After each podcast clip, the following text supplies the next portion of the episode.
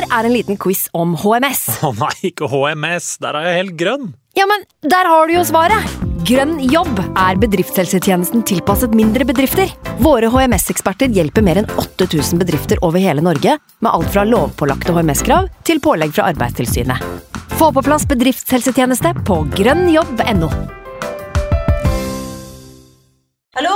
Jeg kommer fra Oslo politikammer.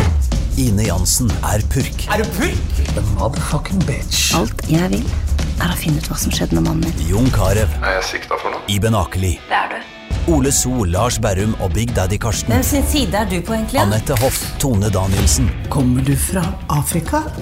Jørnis Josef, Nesten. Kløfta. Trond Espen Seim, Det er synd å si det, men det var feil mann som døde. Purk. Premiere tirsdag på TV2 Play.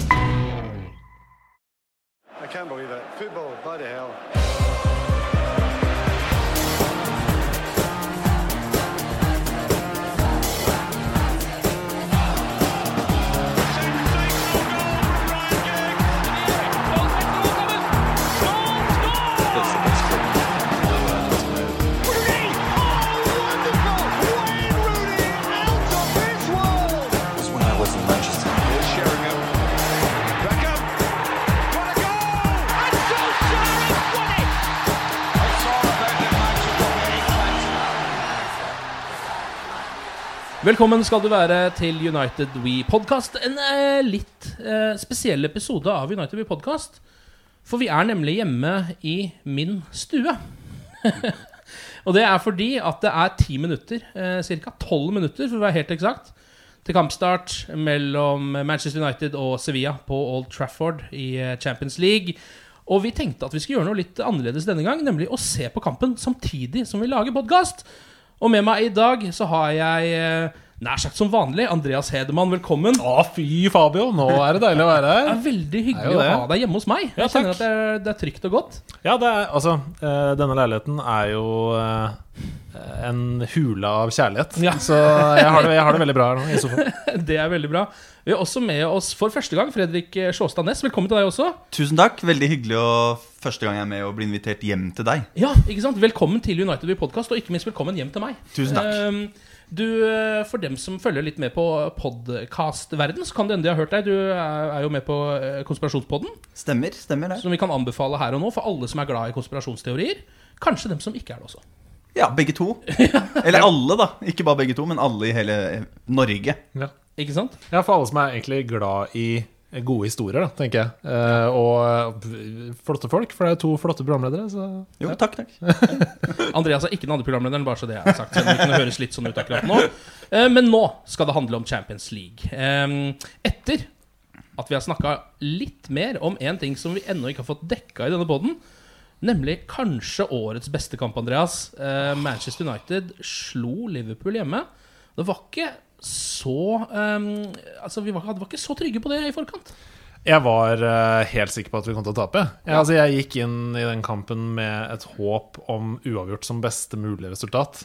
Tenkte jeg, og hadde vært fornøyd med det. Eh, men den følelsen som man sitter igjen med etter en sånn kamp, det er liksom det er ikke veldig mye som kan erstatte den. Det er uh, nesten som å være forelska. Jeg snakka faktisk med en uh, på jobb om dette her. Det er som å vinne i Lotto, bare at din argeste rival i livet, altså den du hater mest i livet, han kjøpte loddet før deg. Det er faktisk en ganske god analogi. Sånn at, og han må, må stå og se på at du mottar pengesummen.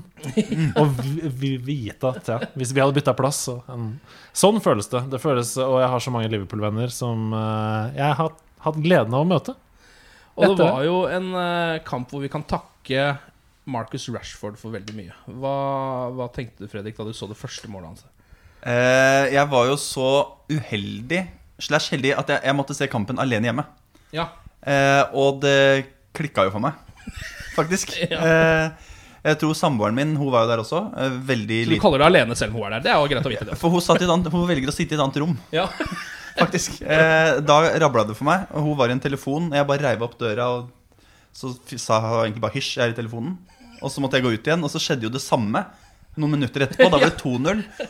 Og hun skjønte ikke Det er vanskelig å bo med et menneske som ikke skjønner den ekstasen du føler når man leder 2-0 i årets viktigste kamp å vinne. ja. Ja, og det, altså, det der synes jeg var Nå har jo Marcus Rashford har jo ikke starta en kamp siden Boxing Day. Mm. Eh, og så kommer han innpå der, og så har jo kampen så vidt liksom kommet i gang. Og så har han tre perfekte touch på rad. Mm. Kanskje mest imponerende. Den der lille stussen med hodet framover der. Det er ganske teknisk vrient å gjennomføre. Tror jeg alle som har prøvd seg på litt fotball, kan, eh, kan skrive under på. Um, så det, ja, jeg ble også helt fullstendig satt ut av det. Jeg trodde egentlig nesten ikke mine egne øyne. Uh, og sånn skal det jo egentlig ikke være å være Manchester United-supporter. Vi skal jo ta det for gitt, men eh, det er jo litt deilig, det også, da.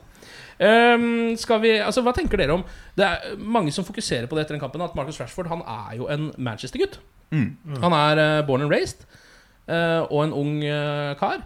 Og jeg kjenner også litt stolthet på det, Ja, ja. selv om jeg er nordmann. Er det lov? Ja, selvfølgelig er det lov. Altså, i, I den moderne fotballen hvor alle topplagene i verden er fulle av leiesoldater som er helt uten lojalitet til klubben, så er det jo ekstremt deilig med en tomålsskårer som blør rødt. Mm. Det er jo helt fantastisk, og det er, han kommer til å gjøre det hele livet. Um, og det ja, Nei, jeg, jeg syns det er eh, den eh, eh, tradisjonen som United har med å ha en egen akademispiller i førsteelveren Er ikke det åt- 80 år? 80 år Ja. tilbake. Eh, den kommer til å fortsette, og det må vi bare være stolte av. Og Rashford bringer jo den tradisjonen flott videre. Andre som imponerte i den kampen, som dere har lyst til å trekke fram? Erik Bailly. Ja. Helt eh, sinnssykt. Ja.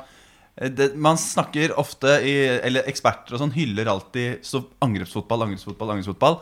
Men altså, det er lite som slår godt oppofrende forsvarsspill. Ja. Bare den han har på hva er det, Milner nede ved dørlinja der. Ja, ja. Det er så deilig å ha, endelig se en stopper som, som ja, takler først, og så, altså, driter han i å spørre etterpå. Han, han bare dundrer til, da. Og hele, hele forsvaret var så påskrudd. da Eh, Det øyeblikket hvor Smalling tar og kaster seg da over sidelinja på siden der. Ja. Det var så deilig. Det var så ekte liksom eh, rivaleri. Og ja, folk som blør rødt. da Men Bailly, fy fader, altså. Når han begynner å ta den Zidane-piruetten som bakerste mann da, Man blir ikke nervøs engang, for du ser bare sånn Du har full kontroll. Ja. Men så mister han den med en gang etterpå, og det er jo veldig Bailly, da. Ja, veldig altså, Bailly. han drar den nydelige Zidane-piruetten rett til å miste ballen. det er, han er en schizofren type, men han er vår, han er vår gærning.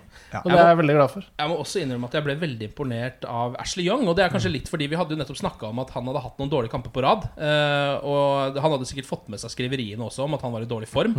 Det motbeviste han jo så kraftig. Og det var jo ikke på en måte den offensive Ashley Young, som er den vi er vant til å se. Det var jo den defensive eh, 'jeg skal ta deg', Ashley Young, som var utpå der. Eh, det, det ble jeg veldig imponert over, eh, over kampen han spilte, altså.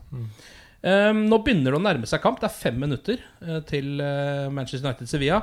Men vi må jo gjøre det som er en tradisjon i dette programmet, nemlig kåre de tre beste United-spillerne. Og da blir det jo i kampen mot Liverpool vi skal ta nå. Eh, tre poeng til den beste, to til nest beste og ett. Fredrik, har du lyst til å begynne, eller? Med alle tre, eller bare beste? Du kan ta, eh, du kan ta ett poeng først, og så kan vi ta ett poeng hos Andreas etterpå. Eh, På ett poeng så har jeg lyst til å trekke fram eh, hakkekyllingen Ashley Young. Ja. Han, eh, ja, han leverte jo, det var vi nettopp Han inne hadde. Sala i lomma. Ja, Det var helt nydelig å se på. Han har jo vært ute på SoMe i etterkant og avkrefta at han faktisk fortsatt har Salah i lomma. Eh, så det kan jo Liverpool-fans eh, Det var et helt nydelig bilde. Hvis vi har mulighet til å legge ut det, så må vi legge det ut. Jeg har det til og med her i notatene mine. Det er helt, eh, han står og kikker inn i kameraet som han er veldig uh, tatt på fersken, uh, og sier da 'Stop asking me. He's not in my pocket. I swear he's not in my pocket'. Det skal vi få ut på United We Podcasts Instagram litt grann for seint, men vi skal gjøre det. Ett poeng, Andreas. Ja, nei, altså Jeg pleier å begynne i omvendt rekkefølge, fordi det som oftest pleier å være veldig lett med tre poeng, og det pleier å være De Hea. Eh, eller Lukaku, eller noe sånt. Ja. Men, så jeg begynte også om en trekkefølge denne gangen. Men derfor så har jeg endt opp med at ett poeng er det, står det her resten av laget. Ja. Um, fordi um, jeg syns hele laget Altså, en så deilig laginnsats som det, da, det føler jeg må belønnes. Ja. Altså Samtlige gjør kanskje sesongbeste i den kampen, med unntak av David Hea. Ja. Så gjør samtlige sesongbeste. Men hvis jeg må velge noen, så syns jeg Mata er ekstremt viktig. Og Ja. spesielt i første omgang. Eh, I andre omgang så gjør han veldig mange defensive ting, som han selvfølgelig får beskjed om. Men eh, spesielt i første omgang. Eller McTominay, som jeg syns også gjør en helt utrolig stor kamp til å være så ung. Um, ja. Ja, nei, det forventa jeg ikke. Jeg så ikke det komme etter den ganske dårlige kampen til McTominay uh, uka før. Altså kampen før. Ja. Så eh, ja, jeg har lyst til å si resten av laget, men Nei, det får bli McTominay fordi han er yngst. McTominay får det. Ok, to poeng, Fredrik. Der eh, velger jeg faktisk å si Rashford. Ja. Er kanskje ikke så dumt, uh, ettersom han skårte to mål. Uh, uten Ja. de så hadde jo ikke United vunnet den kampen.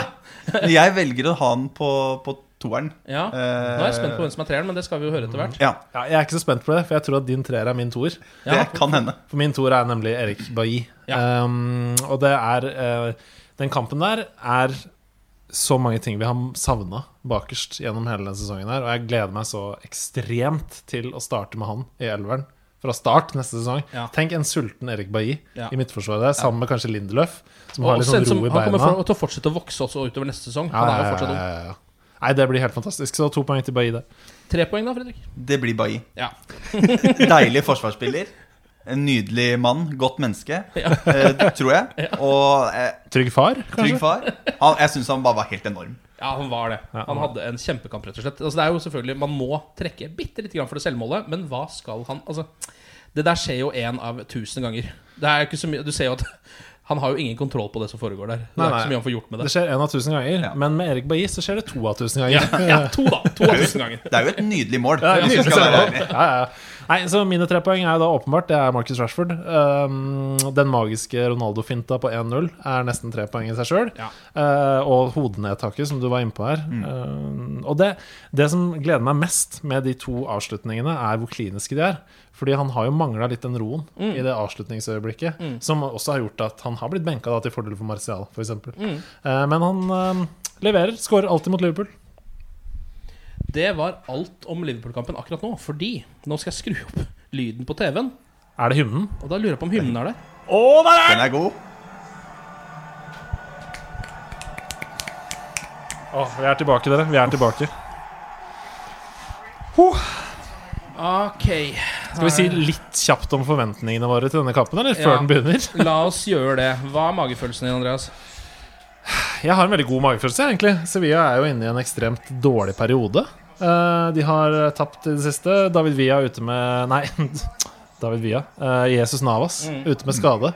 Eh, vi har slått Chelsea, vi har slått Liverpool. Vi oser av selvtillit. Eh, jeg forventer egentlig at vi overkjører Sevilla i denne kampen. Ja. Så du er faktisk for en gangs skyld ikke så veldig nervøs? Nei, jeg er ikke det. Eh, Jeg gleder meg til fotball. Jeg, nå. Jeg Ja. gleder meg til fotball i 90 minutter. Kanskje med ekstraomganger. Hvis uh, Helst ikke ekstraomganger. Helst ikke ekstraomganger. Hva med deg, Fredrik? Jeg er helt enig med Andreas. Ja. Her forventer jeg eh, at vi går ut, tar kontrollen og feier over Sevilla. Ja. Nå, nå har vi den selvtilliten som vi kanskje ikke har klart å opparbeide oss tidlig i sesongen.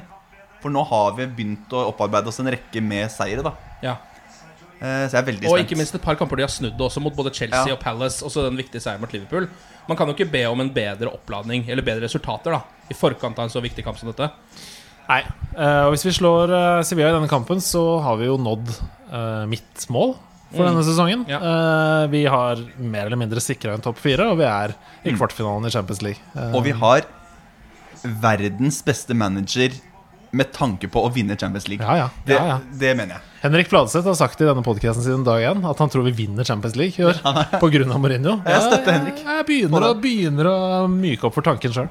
Og vi må jo, det fikk vi ikke nevnt i sted, men vi må jo gi også José Mourinho enorm kred for den Liverpool-seieren. Fordi det Ja. der er en taktisk verdensklasseseier eh, av Mourinho. Altså, der, eh, der slo han rett og slett Klopp.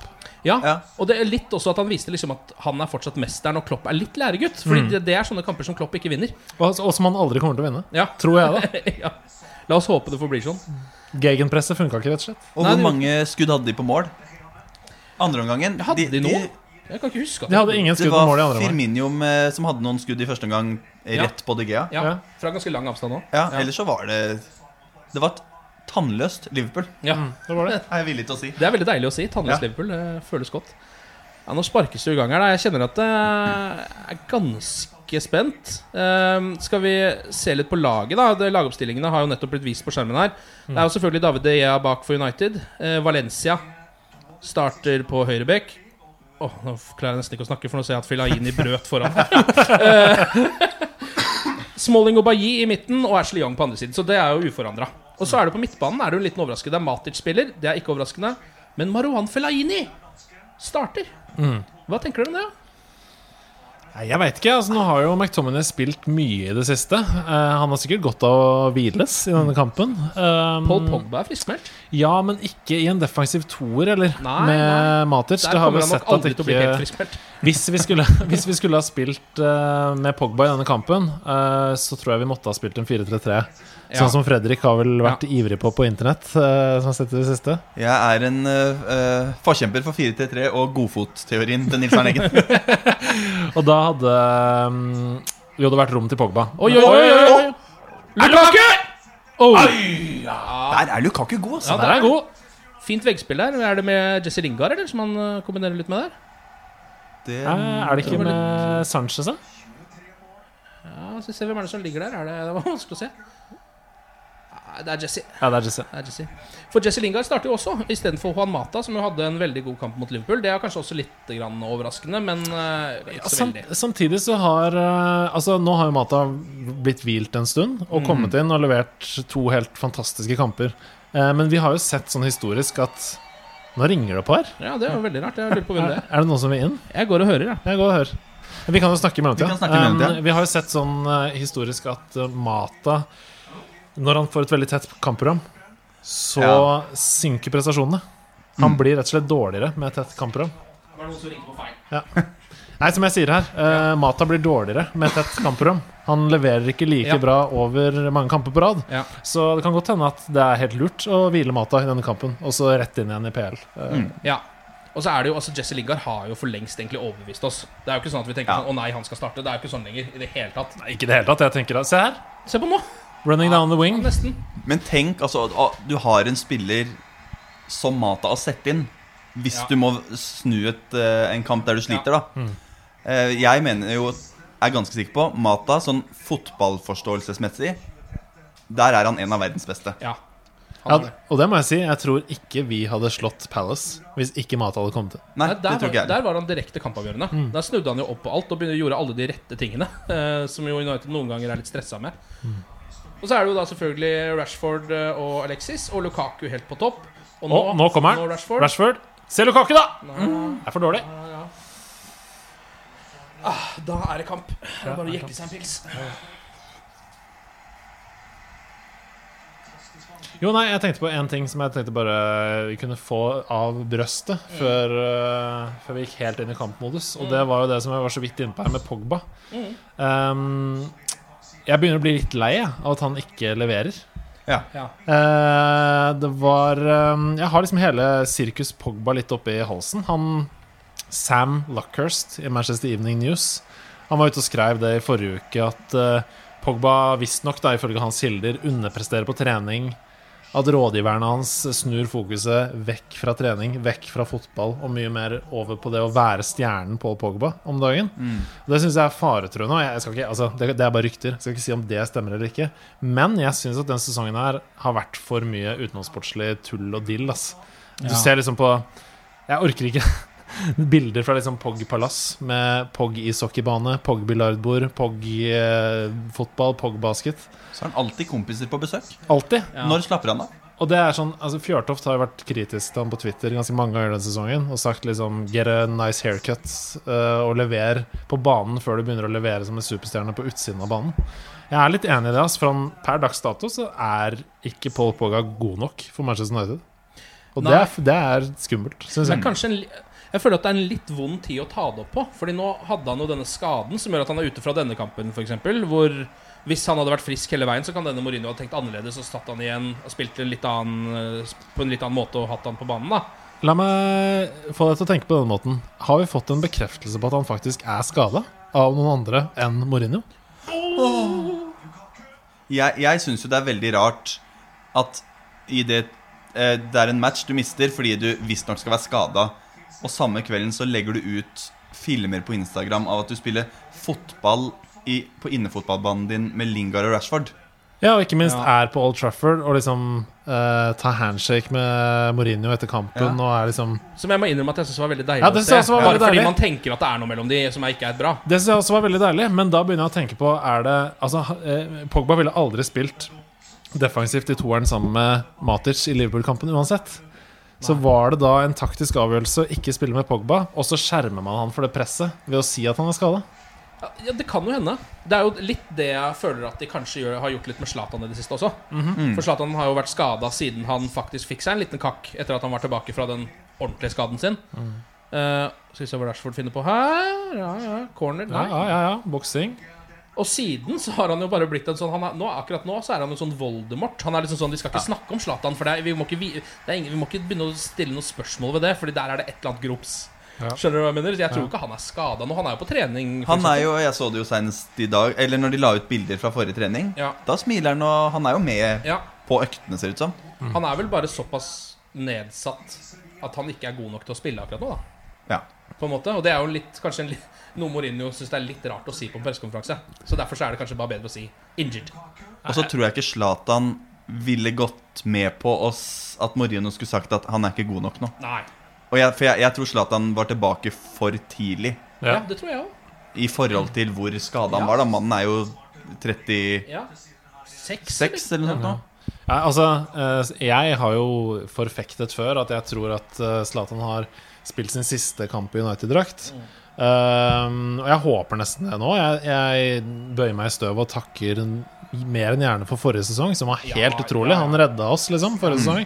Vi hadde ikke gjort det så bra som vi gjorde. Altså, ja, Sjetteplass i ligaen, men uh, europaligaseier uh, uten Zlatan. Um, men nå er det over. Han kom tilbake fra skade altfor tidlig.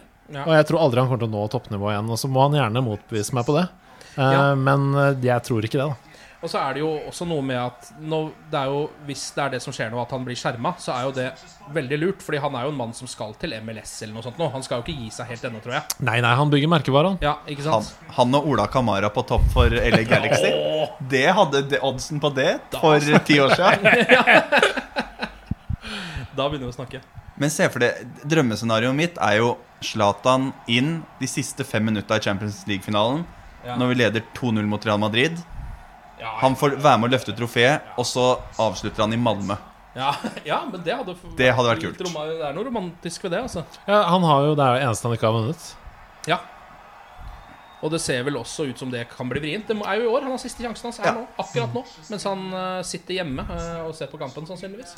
Og hvis vi vinner i dag, altså, så må jeg minne dere på at det er bare tre seire unna. Ja, det er det. Ja, ja, altså tre dobbeltseire. Ja, to doble ja, og altså, én er enkeltseier. Tre seire over to kamper, da, på en Ja. måte. Bortsett fra siste, selvfølgelig. Ja. Ja, det er fem kamper. Tre motstandere. Vi er tre Ja. motstandere unna å oppfølge Zlatans store drøm. Ja. Fire med denne vi har nå, som akkurat nå har en corner. Ja, men nå, men altså, nå har vi spilt åtte minutter mot Sevilla, og vi har, det har vært foreløpig ganske trygt der. Ja da, det har det. Har ikke det? Og Lukaku ser fortsatt veldig bra ut, syns jeg. Han har allerede vist at han uh, ser ut som han kan dominere det forsvaret der litt. Han ville jeg tatt inn på Fantasy, rett og slett. Ja. Hvis jeg var nå som Kane er ute, kanskje til og med til VM. Så, så tror jeg kanskje jeg ville tatt inn Lukaku eller eh, eh, Arsenal-spiss. Er det mulig? Aubameyang. Aubameyang. Ja. Han også putter litt, men han spiller jo for Arsenal, da. Ja, han gjør jo det. Nei, Lukaku inn på Fantasy. Du hørte det her først. Oi, oi, oi! Der er Sevilla nære. Vi har spilt 8,50 og holder på å score på en dødball. Det er helt stille på Old Trafford. Kampens første sjanse, er det ikke det? Ja, i hvert fall den veien. si det, Ja. Føler DHA hadde kontroll der, han ikke det? Hvem er det som taper den duellen? Det er Matic, ja. Han har ikke kontroll, faktisk. Hvis han hadde gått under, så hadde han gått under. inn. Korea, han eh, er jo har Han jeg hent- herja forrige gang. Og jeg, har- ja, og jeg har henta han et x antall ganger på Football Manager. Ja. Før, Ja, ja. Fra eldre versjoner, da. Ja. Et beist han spiller. ja, for han er sånn stortalent litt fortsatt også, er han ikke Ja. det? I tidlig 20-åra er han sånn. Helt, eh, helt nydelig spiller. Ja. Jeg husker at United sleit noe voldsomt mot han eh, på Ramón Sanchez Pizjuan. Der de spilte sist. Det er en nydelig stadion. Ja, ja, ja. En av de få stadionene i verden som har sjel, faktisk. Ja. Føler jeg fortsatt. Ja, jeg er enig. Nei, dette her var ikke så betryggende som jeg hadde håpet den starten her, altså. Det er litt sånn rotete. Virker som de tar litt lett på det, egentlig. Det er ingen som er så tent som de var mot Liverpool. Nei. Påskrudd. Young litt på etterskudd. Og det kan hende at den kampen sitter litt i beina. Da. Det er jo en både mental og fysisk veldig utladning å møte Liverpool på Ja. hjemmebane.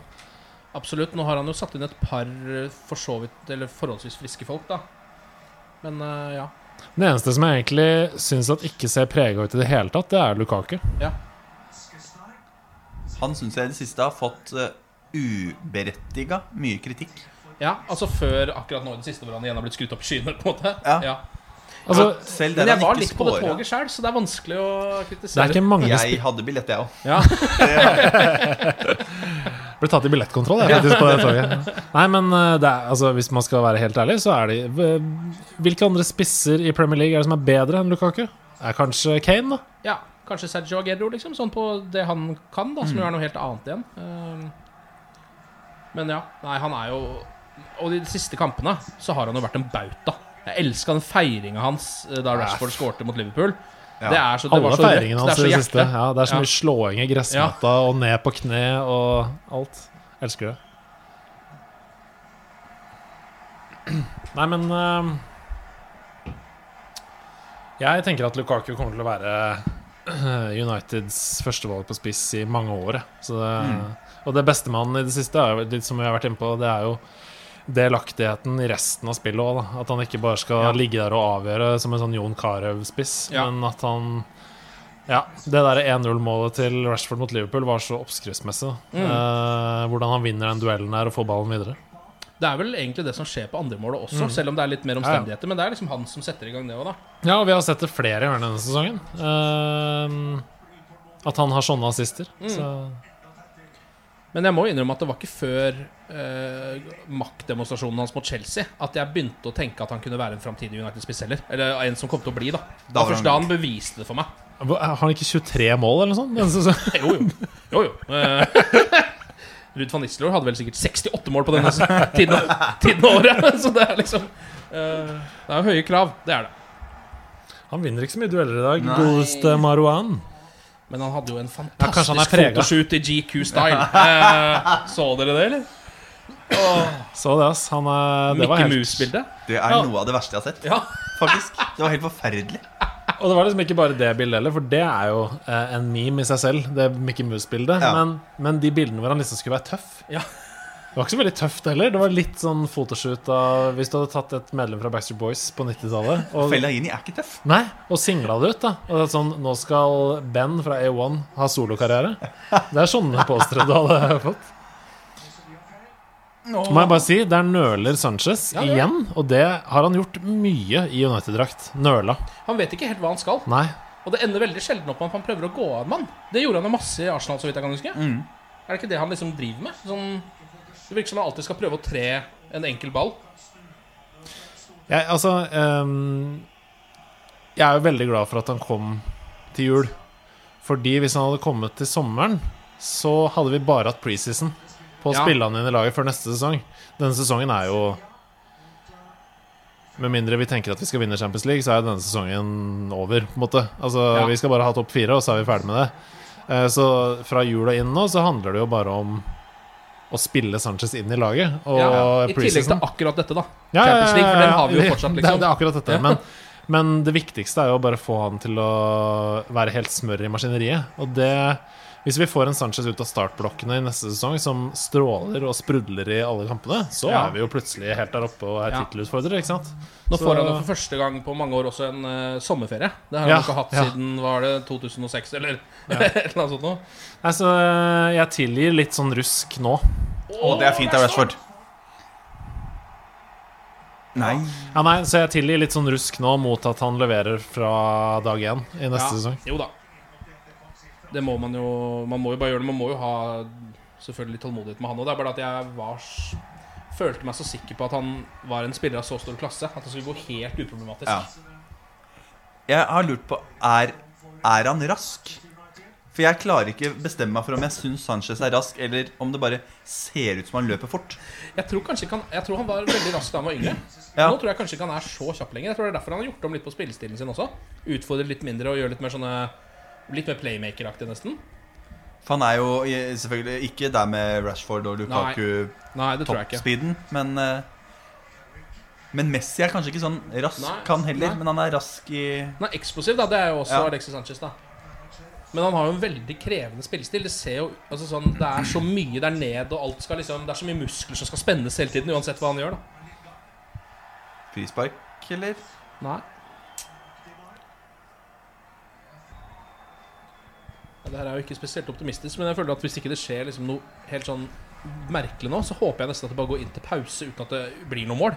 Skjønner du? Fordi Ja, da sånn at du kan få kjeft? Ja, da kan du i hvert fall få kjeft.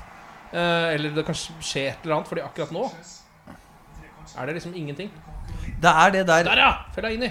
tullet vi Fellaini! der sitter han! Der sitter han! Åh, Marwan Fellaini. Fellaini alene med keeper, dere. Venstreslegga. Etter 37 minutter kommer Marwan Fellaini alene gjennom med keeper etter en, eh, et veldig godt veggspill med Alexis Ja, ja, Sanchez. Og rett før det en typisk Fellaini-takling. Ja. Hvor han egentlig var takla han med. Det er umulig å si. Sannsynligvis litt med albuen. Lukaku ganske frustrert i midten der. Han er åpen på åpen kasse. Rashford påfølgende hjørnespark. Stusses videre. Å, følg med, da! Eller gjør et eller annet. Nå er gutta skrudd på igjen. Young vinner duellen. Opp langs Du rekker den, du rekker den, du rekker den. Å, det er nydelig! Å, Å, det er Rashford! Slå! Slå! Den ballen! Ikke til til Fellaini! Nei! Ball! Ikke til Fellaini! Hva var det? han var ute på venstresida. Å, ja. Eh, Jeg har fått um, bare sånn til opplysning um, Sebastian Brynestad. Han er jo uh, fra kollektivet på TV 2. Og generell komiker. Jobber litt i TV og sånn. Han er ivrig Manchester United-fan. Og han tilbyr seg nå å ha en pauserapport fra pub, hvor han sier eh, 'jeg kan ha reporterstemme'. Det er fint. Så kanskje vi skal ringe opp Sebastian Brunestad, da?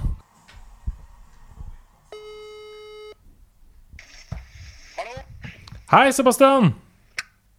Hei, hei, eh, Andreas. Nå har jeg altså introdusert deg for eh, lytterne her som eh, Sebastian Brynestad fra kollektivet på TV 2, men også f Det er, det er, det er veldig korrekt introdusert, uh, syns jeg, da. Hva syns du så langt om, eh, om eh, denne omgangen? Nei, altså, jeg syns det er en, eh, en, en meget god start. For jeg tenker dette her vinner vi 5-0. Men eh, så, så, så snur det relativt kjapt, og så tenker jeg denne her taper vi tre, altså 0-3. Så, så det har vært en berg-og-dal-bane Det har vært en berg-og-dal-bane her på O'Reillys. Heldigvis har vi fått bedøvet sansene våre med, med, med, med litt fermentert brus. Det er godt å høre. Vi, vi har ganske likt inntrykk av kampen. Altså, United åpner godt, vi har god kontroll. Eh, det ser bra ut, men så mister vi det. Hva, hva tror du skjer der? Jeg vet ikke helt hva som skjer. Altså, jeg, tror det, jeg tror det er så enkelt som at Svea rett og slett de, de, de kommer seg opp i ringa.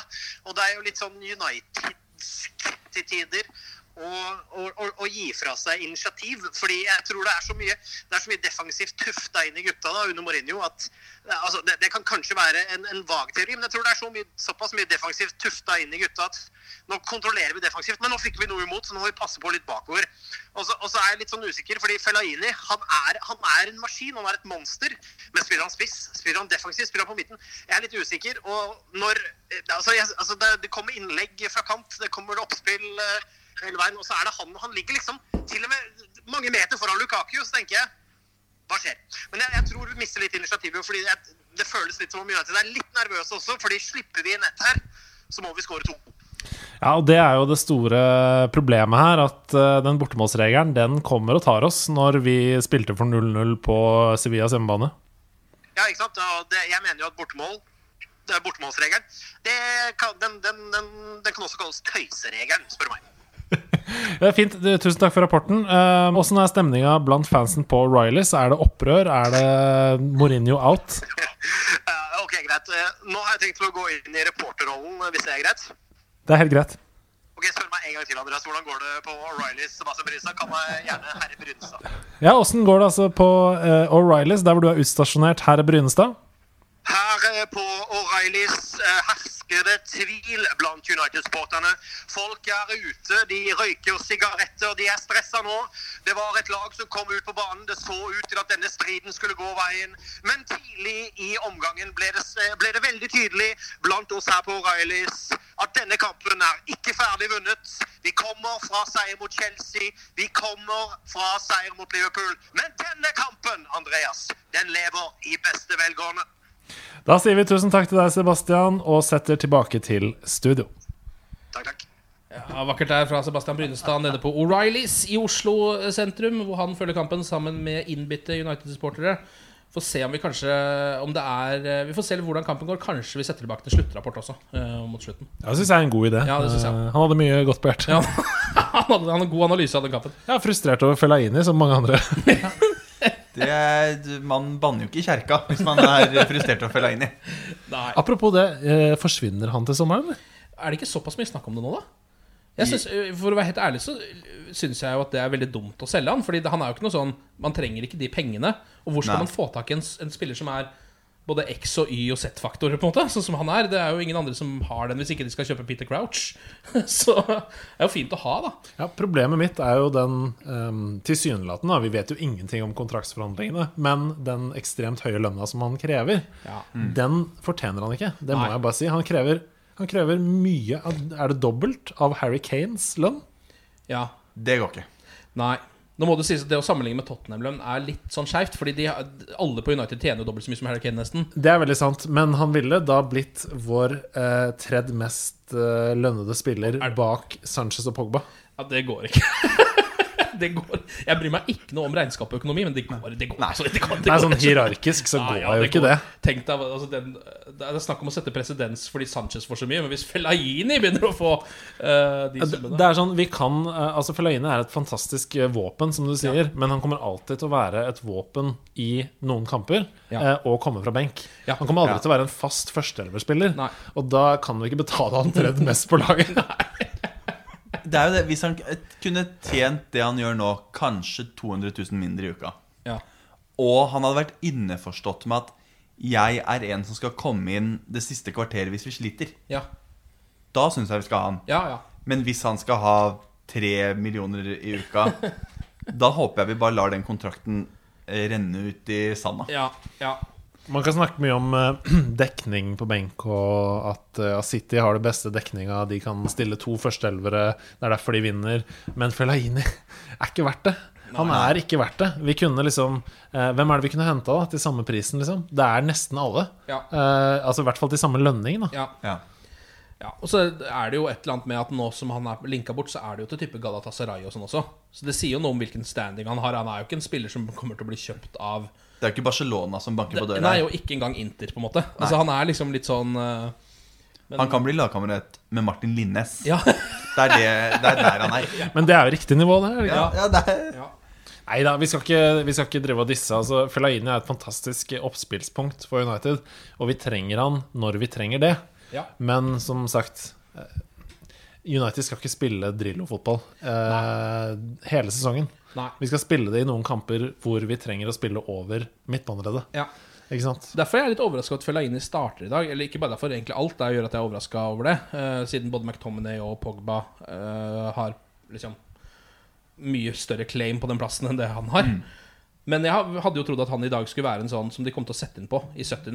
Når det begynner å røyne på, uh, og de virkelig trenger liksom hodestyrke og pælme ballen inn i feltet. da Nå har de på en måte allerede begynt å bruke opp det våpenet litt før de må. Skjønner du? Det føles litt Ja, sånn jeg- eh, Jeg ville jo brukt de våpna som tenker hjemmesevia. Da skal du gå ut, du skal styre kampen. Du skal dominere. Mm. Eh, og Fellaini er vel ikke en spiller som gir deg spillemessig overtak sånn ballbesittelsesmessig. Nei.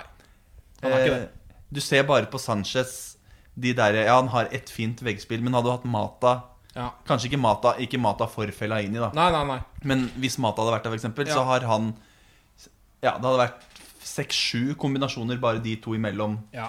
tror jeg, da. ja. Er det sant, det, altså? Eh, Og det må jo også si liksom det, det, Jeg skjønner at det kommer mye kritikk mot å legge Pogba dypt, Fordi det er ikke hans beste rolle i det hele tatt. Men samtidig så er det jo Han, hadde jo, han, han er jo en så god spiller at han gjør jo en bedre kamp enn Fellaini har gjort det nå. Uansett, tenker jeg. Det høres kanskje naivt ut, men skjønner du litt hva jeg mener? Det er liksom Jeg skjønner veldig godt hva du mener, og uh, i dette kampbildet her så hadde Pogba vært en mye bedre spiller. da Ja, jeg ville jo tenke det. Ja, ja, ja. Vi, altså, han- Få den ballen ned på bakken. Ja. og han kan slå den pasningen. Ja, akkurat det. Den, han kan slå den stikkeren gjennom til en av de Ja. fire foran deg. ja. Altså, Den ene store sjansen vi har i kampen, det er Fellaini som spiller veggespill med Sanchez. Ja. Det kan ha vært Pogba isteden. ja. Du, Altså, alle vil jo det. Ja. Ja, for jeg mener jo denne der kritikken mot Pogba Den er liksom berettiga, men samtidig det er jo ikke fordi at han nødvendigvis er en helt ræva holding midfielder. Det er jo Nei, fordi han er en mye bedre spiller et annet sted. Eh, Det så- er akkurat det, og vi snakka om det innledningsvis også. 4-3-3 hadde han skint i denne Ja. kampen. Ja, det er, ja. Men vi får se, da. Eh, Eivind Sæther i United.no var jo inne på eh, det litt tidligere denne uka. Eh, hva er det Mourinho ser som vi ikke ser? Ja. Eh, både eh, når det går dårlig, men også når det går bra. For det var ikke så veldig mange som forventa at vi skulle gå ut sånn som vi gjorde mot Liverpool. Og bare eh, Altså, vi var taktisk overlegne, og vi tok ut hele angrepsrekka av kampen. Så han, han er jo åpenbart en fantastisk manager som eh, er mye smartere fotballmessig enn noen av vi som sitter i dette studioet her. Så han har jo en plan, men akkurat i denne kampen så er det jo lett å tvile, da. ja. Og så må vi huske eh, Pochettino i Tottenham, han blir hylla. Han må til Real Madrid, han må til Barcelona. Han er verdens beste manager. Men vi er ganske mange poeng foran Tottenham. Og vi har skåra flere mål, hvis jeg ikke husker helt feil. Ja. Og sluppet inn færre. ja. Ja, altså eh, Så Alt det der, alle statsene er imot. Eh, De Boer var jo ute eh, denne uka her og skulle liksom eh, sage Mourinho for eh, bruken av Marcus Rashford. ja, at han spilte for lite, ja. Ja, for han spilte for lite. Så svarte jo Manchester United da på Twitter dagen etter med å legge ut statistikk om at Marcus Rashford er den mest brukte United-spilleren under Mourinho. Ja. Han har spilt 94 kamper. Ja. David De Hea er neste på lista. Han har Ja. spilt 81. ja. Så det er liksom, altså det er bare piss, det Ja. De Boer sier der. Og uansett så vil man jo ikke ta råd av en fyr som har tapt syv av syv kamper med Crystal Palace og skåret null mål. Ja. Og der, men der våkner Mourinho. Ja, der, det elsker jeg! Der, der er det gode, gamle, morsomme Mourinho som kommer fram. Ja. jeg elsker det. Han ber han rett og slett dra til helvete, sånn i, i Ja. undertekst, og det er helt fantastisk. Og jeg må innrømme at jeg, altså, jeg vet jo at Mourinho er en innbitt og sur mann innimellom. Og det må vi jo bare uh, erkjenne at sånn er det. Det er ikke så mye å få gjort med det. Men i det siste så har han altså vært den Mourinhoen jeg liker best. A-game. Han Ja, er helt tilbake Mourinho. på A-game. pressekonferansen før kampen i dag, og han smilte, koste seg, hadde noen kommentarer på lur. Fortsatt litt sånn vise at 'jeg vet noe dere ikke veit', og 'jeg har- er overlegen dere', som han alltid prøver å vise. Men det er liksom greit. Men hvis man skal prøve å svare den kritikken til De Boer da, eh, med mer enn bare 'ja, han har spilt 94 kamper', så kan man jo si sånn Hva er det som har skjedd siden jul? Vi har kjøpt Alexis Sanchez, en verdensklassespiller. Og Martial har faktisk vært bedre enn det Rashford var. Ja. Eh, Det er naturlig at han spiller i den posisjonen. Og det å spille i Manchester United, eller hvilken som helst toppklubb for øvrig, det handler om å ta vare på de sjansene som du får. Ja. Um, og det gjorde Rashford mot Liverpool. Og Og, derfor så spiller han i dag mot Ja. Mm. Sevilla. Eh, det betyr sannsynligvis at Martial er på benk en stund. Eh, og sånn er det i alle toppklubber. Jeg, jeg, jeg, bare sånn I researchfasen før denne podkasten så så jeg på City uh, sin første seriekamp i år, mot Brighton. Og her er benken deres mot Brighton. Mangala, Sané, Sterling, Yaya Touré, Bernardo Silva. Det er Ja. benken til City Ja. mot Brighton. Og Og, er førsteelveren er ikke dårlig. Altså Den er fantastisk, førsteelveren der. Eh, og alle de fighter om å få lov til å spille for Manchester City. Sånn er det også i Manchester United. Vi, har, vi må ha mer enn elleve gode spillere. Ja. Vi må ha en benk som er minst like god som de som er på banen. Og midt oppi dette nå, alle de offensive du nevnte, så har vi også Jesse Lingard, som jo har spilt altså, over evne eh, gjennom halvannen sesong. Men det, Eh, men det er det jeg mener. Eh, hvis du skal liksom, Hvis du skal være Frank de Boer og ta Mourinho for at han ikke spiller Rashford, så eh, mener jeg at det er grunnen til at han tapte sju av sju kamper da, med Crystal Palace. Ja. Fordi du må ha 15 gode spillere som fighter om de 11 plassene. Ja, Og det gjør Rashford nå. ja. Han eh, tok den sjansen, grep med begge hendene mot Liverpool, og nå spiller han mot Sevilla. Ja, og Det mener jeg også er veldig viktig. For vi, når du har såpass mange gode spillere, så må man også følge litt form. Du må liksom bare Nå får du spille et par, tre, fire kamper på rad fordi du har vist et par gode kamper. Og så kan nestemann komme inn og ta over, Fordi da får du også den ekstra gnisten blant de som skal prøve å ta den plassen. da Som gjør at de også presterer bedre enn de vanligvis ville gjort. Men hvorfor er ikke de Boer ute og sier det, liksom? Sånn eh, em, Pep Guardiola spiller ikke Sané, et av verdens største talenter. Han spiller han ikke nok. Hvorfor gjør han ikke det? Det er akkurat den samme greia. Ja, Sané hadde konkurrert med Rashford og Martial òg, i Ja. United. ja det er sant, det. Nå har han vært helt Se, ellevill. nå liksom. Mourinho ler på vei inn eh, til andre omgang her. Ja da. Smiler og ler litt. Hva tror vi blir det første byttet? av? Mata inn, eller? Ja, der Ja. er han der. Mata har jo leggbeskytterne i hånda, Ja. Det er dårlig tegn. så han skal ikke inn med en gang. Men uh, han hadde, de andre hadde på seg jakke. Mata hadde genser. Jeg har en, en fun fact på samhandling på kanskje den litt mer ekstreme fronten. Sier du det? Eh, For jeg jobber med en, eh, en som har tidligere elite, eh, tippeligakamper for Lyn og Lillestrøm. Ja. Og han spiller nå Allboys-fotball i fjerde eller femte divisjon med Jan Derek Sørensen. Oi! Dette er bra. Eh, Og hadde nylig fått en historie av Jan Derek om, om Nils Arne Eggen. Ja. Der på Rosenborg-trening så hadde Det var da den, den tida Jon Carew Å! Dette er nydelig det innspill. Må bare si dette først. Avbryt her. Det er Sanchez til Rashford på høyre. Elendig innlegg. Elendig innlegg fra Ja. Da Jon Carew hadde vært i Rosenborg. Og, på, på, og da var det Han var veldig, veldig god, Jon Carew, når han var 19-20 år. På trening hadde dratt av en fire-fem mann og blåst ballen i krysset. Eh, Da fikk Carew kjeft av, eh, av Nils Erne Eggen og sa at eh, Nei, Jon, han skal ikke score der. Han, han skal slå til Jan Derek. Det er kanskje det største fotballtalentet Norge har sett Ja. de siste så, Eller hvor ekstremt den offensive planen kan være, da. Ja, ja. Ja, ja, ja. Men det var det eh, fordi Mourinho sin offensive plan var ekstrem da han var manager i Real Madrid. Eh, Ja. Jonas Giæver har vært inne på det i denne podkasten her tidligere. Eh, hvis man ser noen av de kampene fra den ene sesongen til Nå er det en ganske stor sjanse til Sevilla her. Ble de stille i salen. Fint. Der, ja, der er vi ute. Jo, hvis man ser noen kamper um, i den sesongen til Real Madrid hvor vi skårte over 100 mål under Mourinho, Ja. så var det en helt tydelig offensiv plan som begynte i midtforsvaret.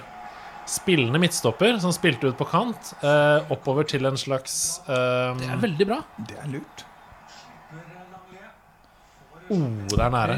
Ja, men det ser litt til, en, bedre ut i oppover til en ving som drar videre oppover, og så inn uh, foran, som scorer. Ja. Uh, og det eneste egentlig vi mangler i United i det systemet, er jo en Lindlöf med selvtillit. ja, en spillende Og, midtstopper. og ikke minst uh, Perisic på Ja. venstre ving. Ja. Ja. Det er liksom de to rollene. Han ene fikk ikke Mourinho hente, rett og slett. Og han andre har ikke, er ikke god nok ennå. Så, men kanskje det kommer. Kanskje Ja. vi får fylle på den rollen til venstre, og så ser vi United som et Real Madrid under Mourinho, da de skårte over 100. Ja. Jeg får håpe det. Altså, det er jo han Jeg tror jo han har en eller annen tanke om hva dette her skal bli, eller Ja, det er det jeg tror også. Eh, Jeg bare tror at per dags dato har han ikke spillemateriale til å gjennomføre det. Og da blir det litt sånn plan B, plan C. Nå har vi spilt i 60 minutter. Hvis Sevilla scorer nå, så må vi score to på en halvtime. Ja. Um, United.no hadde den statistikken på hvor ofte United har snudd kampene under José Mourinho. Eh, og før Chelsea-kampen så var det vel tre ganger. Jeg tror vi har brukt opp den kvoten nå. Ja, det har Det er vi. bedre. Åh. Ut på høyre, Slå, da! slå, Helt slå! åpen! Ah, slå Der, ja! på en touch, slå Det er litt seint. De står så utrolig disiplinert. Og så er det Fellaini! Oh! Den skuddfoten til Fellaini, altså. Min største drøm er at Fellaini bare Men en se- gang bare skal eh, klippe seg og bare plutselig ha kort hår. Ja, han hadde det da han var yngre. Det ser veldig Ja, rart ut. det ser, eh, han, Ok, Der, er Der. Pogba, Pogba inn. og han ser heltent ut. Ja. Tenk om, han, tenk om Fellaini blir i klubben, og så før neste sesong så kjører han en David Silva. Bold. Bold Fellaini! Jeg vet ikke hvordan han ser ut, jeg. Nei, jeg har sett han med bare sånn kort hår. Det ser litt rart ut. Ok, Jeg syns andre omgang ser mye bedre ut. Det starta veldig mye bedre enn det gjorde i første. da Ja, og det er jo deilig at Pogba er inne der. Ja Nå, er, han- nå ser på Pogba nå rett på Ja, ja. ball. Får han ikke. Løper Men, litt men mer. dette vet du hva? Dette må jeg bare si Dette understreker min mistanke om at han ble vraka. Ja, Fordi at han kommer nå- tilbake og er eh, Han er jo klar noen dager etterpå. Ja, ikke bare det. Han beiner jo. Altså Han prøver å bevise noe. Det er helt tydelig at han er keen på å bevise et eller annet. Ja. Men der, hvis det stemmer, da Da er jo Mourinho et geni. Enda Ja. mer enn det jeg har mistenkt. Ja, for da var han en fantastisk skuespiller i, i sonen der, bak uh, intervjusonen. Men nå er Sevilla ikke med i kampen lenger. Eh, og det er bra. Og det skjedde jo etter at eh, en viss belgier gikk ut, mot Ja. at en franskmann kom inn. Der er det veldig Åh, oh, Oi. Hvem andre, sier eh, Stokke her. Jeg syns uh, Sevilla har vært utrolig bra defensivt. Det må jeg bare si. Ja. Jeg syns de har eh, vært utrolig disiplinerte og Altså, de, dette laget er skadeutsatt. Det er ikke en førsteelver Hvis du hadde sett på Sevilla før sesongen, så hadde ikke dette vært førsteelveren. Eh, så at de gjør dette på Old Trafford, er veldig bra. Eh, og jeg vet ikke om det er at Sevilla spiller oss dårlig, eller om vi er prega av Liverpool-kampen og ikke på.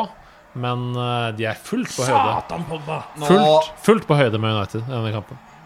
Forferdelig feilpasning av Pogba. Altså. Det der er det, det kan, Sånn kan du ikke holde på. Heldigvis så er det Sevilla, da. De straffer Ja. oss ikke. Nå da, Rashford utfordrer én mot én. Ned mot linja. Frispark. Det er frispark. Der Det skal være frispark. der må det blåse. Ja, blåse. Rødt kort. Vet du hvem vi skal ha der nå? I den posisjonen der? Ashley Young. Ja. Det er han Ja. vi skal ha i akkurat den posisjonen der. Han kommer til å køle den opp i Det blir jo sikkert Sanchez eller Rashford, tror du ikke? Eller Pogba. Men er det noen som setter de frisparkene Ja, der, er så er det jo Ashley Young. Ja. På det Hjørnet av 16, ja. Ja, ja, ja, ja, ja. Altså, vi skal ha Ashley Young der. Hvis ikke, så er det Det er Rashford. Rashford. Husker du han banka den her i stanga i en kamp for Det begynner å bli noen måneder siden, men eh, hadde han et lignende frispark hvor han bare Gi meg Young, da. smalt den. Det er så dårlig, det. Ja. Det er så dårlig. Det er ikke hardt engang. Altså, han, han setter den fem meter over mål. Altså, jeg, jeg syns Rashford han har kommet seg veldig på de tingene der. Altså Det, der, det tilslaget hans og de frisparkene hans. Han har sett han ta et par bra, men jeg syns ikke han er moden nok til å være fast frisparktager eller cornertager for Manchester United. Og Young står rett ved siden av. Ja, Altså fyren som har Han spiller til og med på den siden. Han trenger ikke å løpe over engang.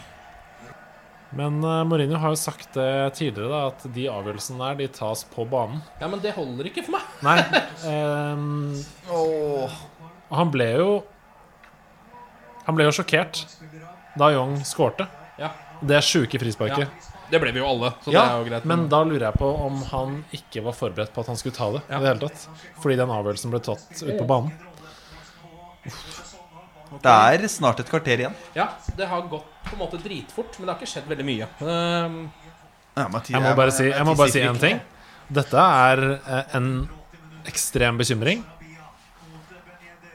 der er det mål. Nei! Nei! Nei, nei, nei! Der røk det. Nei! Han kom inn for to minutter siden. Han. Det er ikke mulig! Det er ikke mulig! Hva er det som skjer der? Det kommer ut av ingenting. Det er helt utrolig. Åh, shit, ok, men da må vi snu det, da. Det er tredje gang i løpet av uh, ti dager Ja. at vi må snu det. 20 minutter igjen. Eh, Før så har det jo vært adskillig lengre tid å gjøre det på. vi har City Nei, jeg mener Chelsea. Vi har Chelsea, Palace og Dette blir i så fall den tredje. Det er 15 minutter pluss overtid Ja. mot et spansk lag som kommer til å legge 11 mann i forsvar. Ja. Vi må skåre to. Det første som skjer, er Martial inn. Dette er en util, et utilgivelig tap hvis vi Ja. taper det. Og det er uh, all on spillerne uh, hvis vi taper dette her. Nei, dette er helt eh, Åh, det, jeg raser. Det er ikke noe vits å se Hvis vi taper dette, her så er det ikke noe vits å se flere kamper resten av sesongen. Nei, på en måte ikke. Nei, det var eh, lufta mi, det der. Altså, den gikk rett ut. Men vi, her, vi kan takke oss selv. Ja. For det er vi som er fe Vi er Hvorfor feige- går vi ikke strupen på Se Sevilla, på det da? her, da. Det er mål igjen. Ja, det er 2-0. Det er, er 2-0. Ja, da er det over. er. Fy er det over. faen, det er så jævlig dårlig! Hva er det som skjer på den corneren? Ser du hvor aleine han første fyren står der? Der er, vi, der er det over. Og det må jeg bare si at det, dette er ikke For alle de som nå sitter hjemme og rager og sier José Mourinho out. Dette har null med José Mourinho å gjøre. Dette er elleve spillere som er ekstremt prega etter en Liverpool-match, som ikke har møtt opp på jobb. Det må jeg bare si. Her er det elleve spillere som ikke har møtt opp på jobb. Første omgang er ræva, andre omgang er like ræva. Ja. Der er til og med David De Hea litt klønete, for han kan faktisk redde den der. Men det er jo ikke det man Det er, eh, dette er en skandale, rett og slett. Det er en skandale. Vi ryker ut uh, av Champions League på en av de flaueste måtene det går an å gjøre det. Det eneste vi kan kritisere Mourinho for i denne kampen, det er elveren han gikk ut med. Det er det eneste vi Ja. kan kritisere ham for. For du ser jo at etter at Mata Martial kom inn, så har det skjedd mer Ja. framover. Det har også skjedd mer bakover. Fort, fort, fort, fort, fort, fort! Lukaku! Skåring! Det er sju minutter igjen! Det er snu det? Det er mulig! Det er mulig! Det er det For mulig! fuck's sake! Vi er jo faen meg i ubalanse. Vi skårer jo! Kom igjen! Kom igjen! Lukaku Rikstein! Ja! Skårer vi, Hvis vi skårer før det 86. minutt? Å, fy faen! Se på det! Skårer vi i løpet av to minutter, så går vi videre. Kom igjen. Kom igjen. Pogba, brett opp arma. Nå må alle eh, Se på det målet! Han ligger faen meg vannrett i lufta! Kom igjen! Nå skal vi skåre innen fem minutter! Altså, er det ræva touch om, da! Men det er det jeg sier. Det skjer noe med en gang Mata og Martial kommer inn. Vi starter altså med Felaini. Ja. Som har hatt en av de dårligste kampene i sin karriere. Er det her siste matchen Fellaini spiller for United? Det kan godt være. Jeg håper det. Få han ut! Brannfakkelen er tent. Brannfakkelen er tent. Nå er det, synes jeg det er så surt med det der idiotiske cornermålskortet. Altså, hadde det vært 1-0 nå? Det Ja, da- 1-1 da? da hadde de klart det. Altså, det er, de skrur jo helt av der. Men eh, Erik Bailly, som vi har sittet og hylla opp, han er direkte skyld i to mål. altså Ja, Han er det i denne kampen. Og det er Wissam Ben Yedder som skårer to mål. ja. Det har ikke jeg fått med meg før nå. Jeg fikk heller ikke med meg at han skårte det andre. Han kom inn fire Innbytter. minutter før det der. Han. Innbytter som kommer inn og skårer to mål. Men i helvete, altså. Det er jo helt utrolig at de første gangene vi kommer til noen ordentlige sjanser i denne kampen, er når Mata Martial kommer inn. Ja, Se på det! da Nå spiller vi jo spennende offensiv fotball. Men det er, den må Mourinho ta, da fordi det er den der litt feige tilnærminga hans til kampen. det. Som er akkurat det samme som han gjorde mot Sevilla liksom eh, på bortebane. Jeg tror egentlig ikke det var en feig tilnærming her. Jeg tror egentlig han forventa mer fra sin, eh, i sin offensive plan enn det han fikk. Eh, se for deg Fellaini som et oppspillspunkt som får ned ballen og sender den videre til Lukaku, som scorer. Litt Ja, ja, om Altså, han fikk ikke det. Han fikk ikke en Fellaini som leverte varene, rett og slett. Han fikk en ganske ræva Fellaini Ja, i denne kampen her. Men samtidig, da. De har ikke vært skrudd på heller. Det er først etter at dette skjedde, at de har vært skrudd på. Eh, Rashford kom jo løpende langs siden der og slo inn hardt foran mål. Og det var ingen som fulgte etter. Som jeg sa før vi begynte, at dette er den første kampen på lenge hvor jeg har vært helt lave skuldre og tenkt vi kommer til å kjøre over Sevilla. Og så leder de 2-0 når det er 20 minutter igjen å spille. Nei, det er bare å skru av. Det er ikke noe vits. Nå er vi 3.57 på overtid. Um, Der er det slutt. det blåses vel der, ja. ja. Der er det over. Der var den kjørt. Skal vi, ta, skal vi gå direkte til telefonrapport fra Brynestad, gjør eller? det. Hvis det er noe som kan um, Jeg få oss tror vi ringer vår korrespondent på O'Reillys, og så er det det siste i dag. Får vi heller gi ut poeng neste gang. Jeg er, jeg er, for- jeg er for matt nå. Jeg klarer ikke å skryte av noen United-spillere nå. Det er vel ingen som fortjener uh, verken Nei. tre, to eller ett poeng her. Nei. Han legger på at til og med korrespondenten har, har gått lei nå. Ja, gi det et forsøk til, da. Mobilabonnenten har slått av. Ja, korrespondenten har lagt på røret. Jeg tror kanskje vi gjør det samme sjøl, jeg.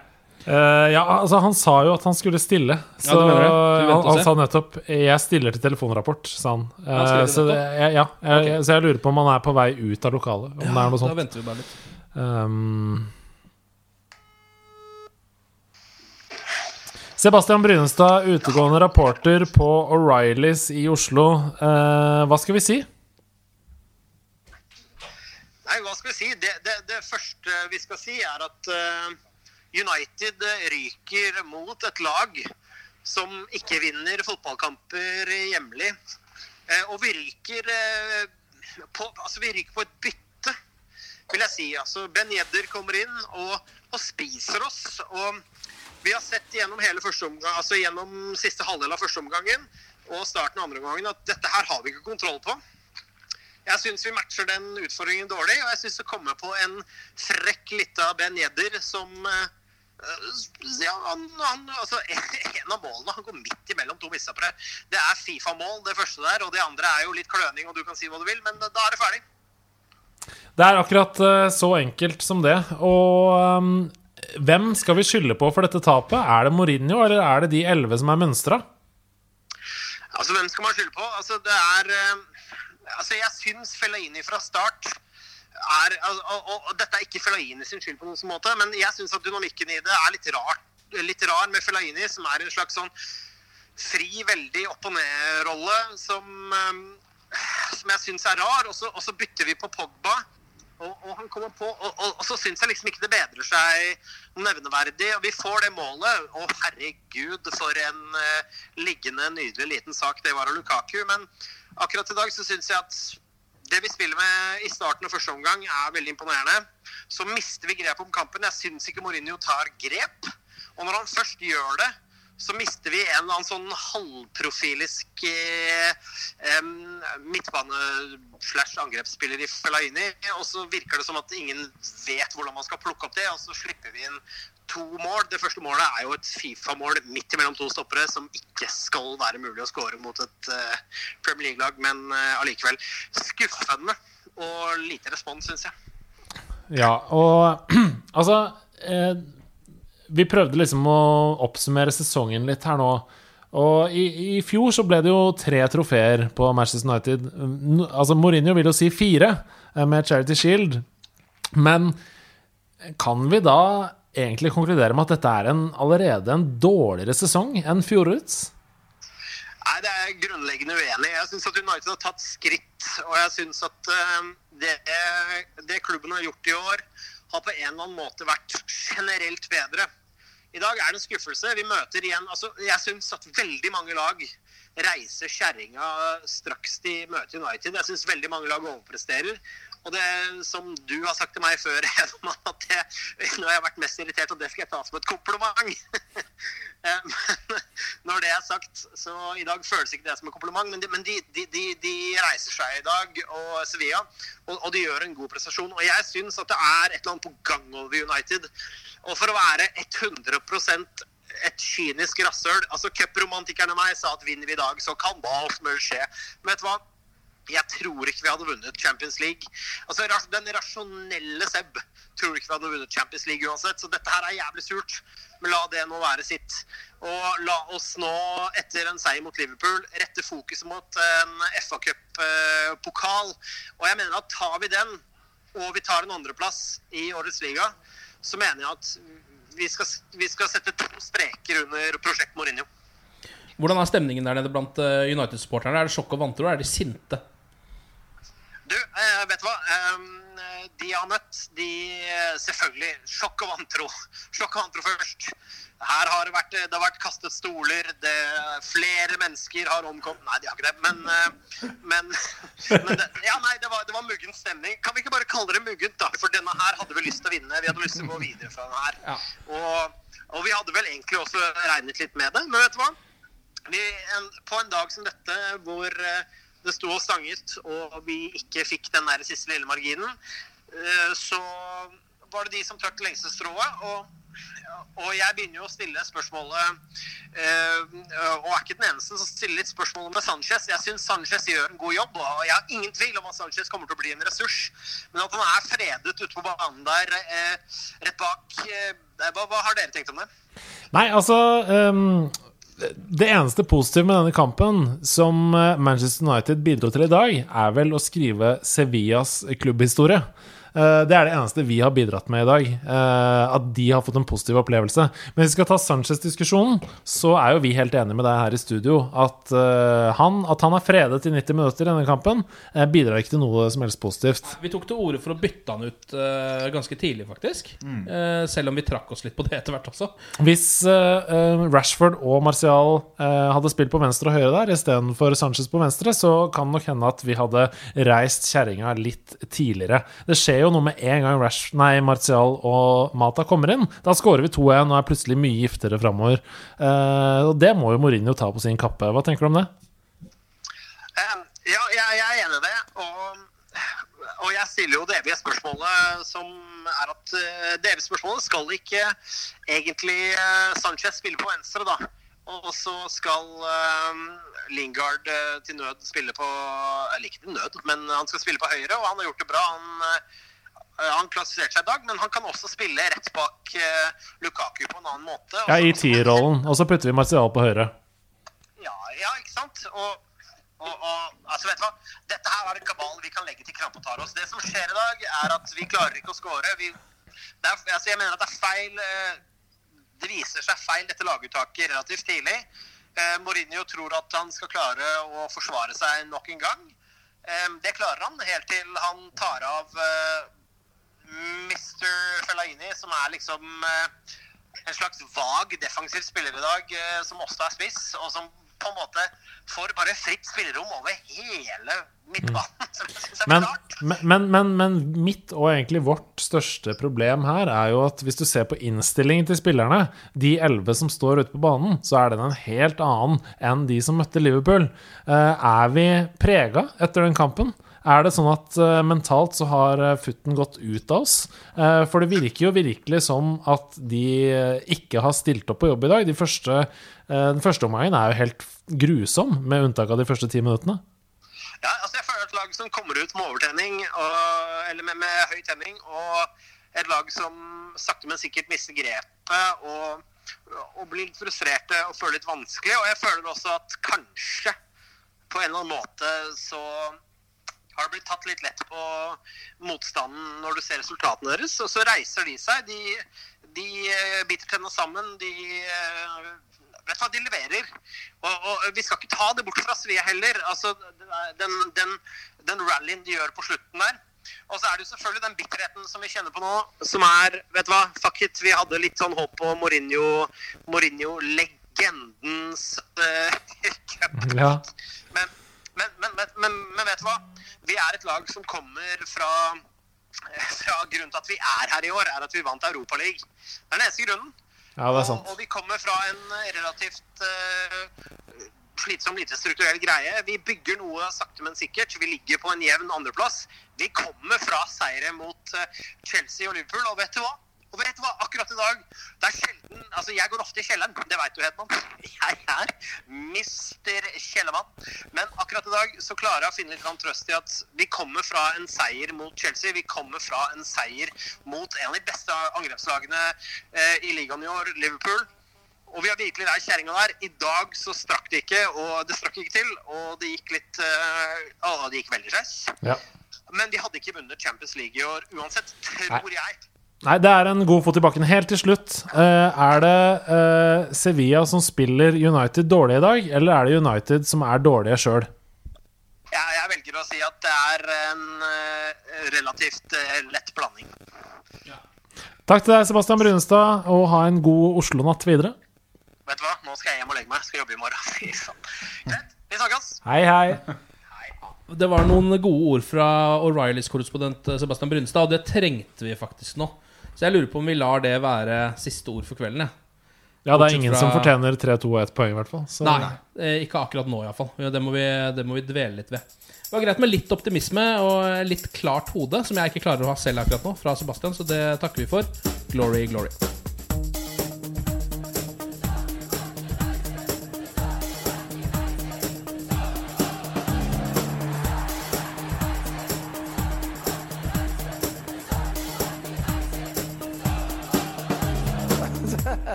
It's true. I've seen many things. Ukens annonsør det er matkasseleverandøren Hello Fresh. Der kan du velge mellom 25 ulike oppskrifter hver uke, eller få Hello Fresh til å sette sammen en meny for deg.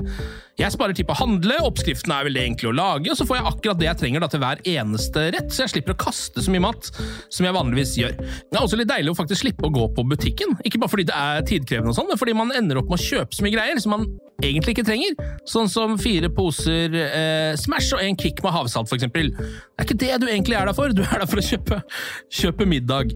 Så det er en veldig eh, kjekk ting. I tillegg så er det jo eh, ferdigporsjonerte ingredienser, det blir mindre matsvinn, og du betaler bare for det du faktisk trenger, og det du faktisk da spiser. I tillegg så blir det da levert på døra eh, til et fastsatt tidspunkt, sånn at du kan få det akkurat når det passer for deg eh, sjæl.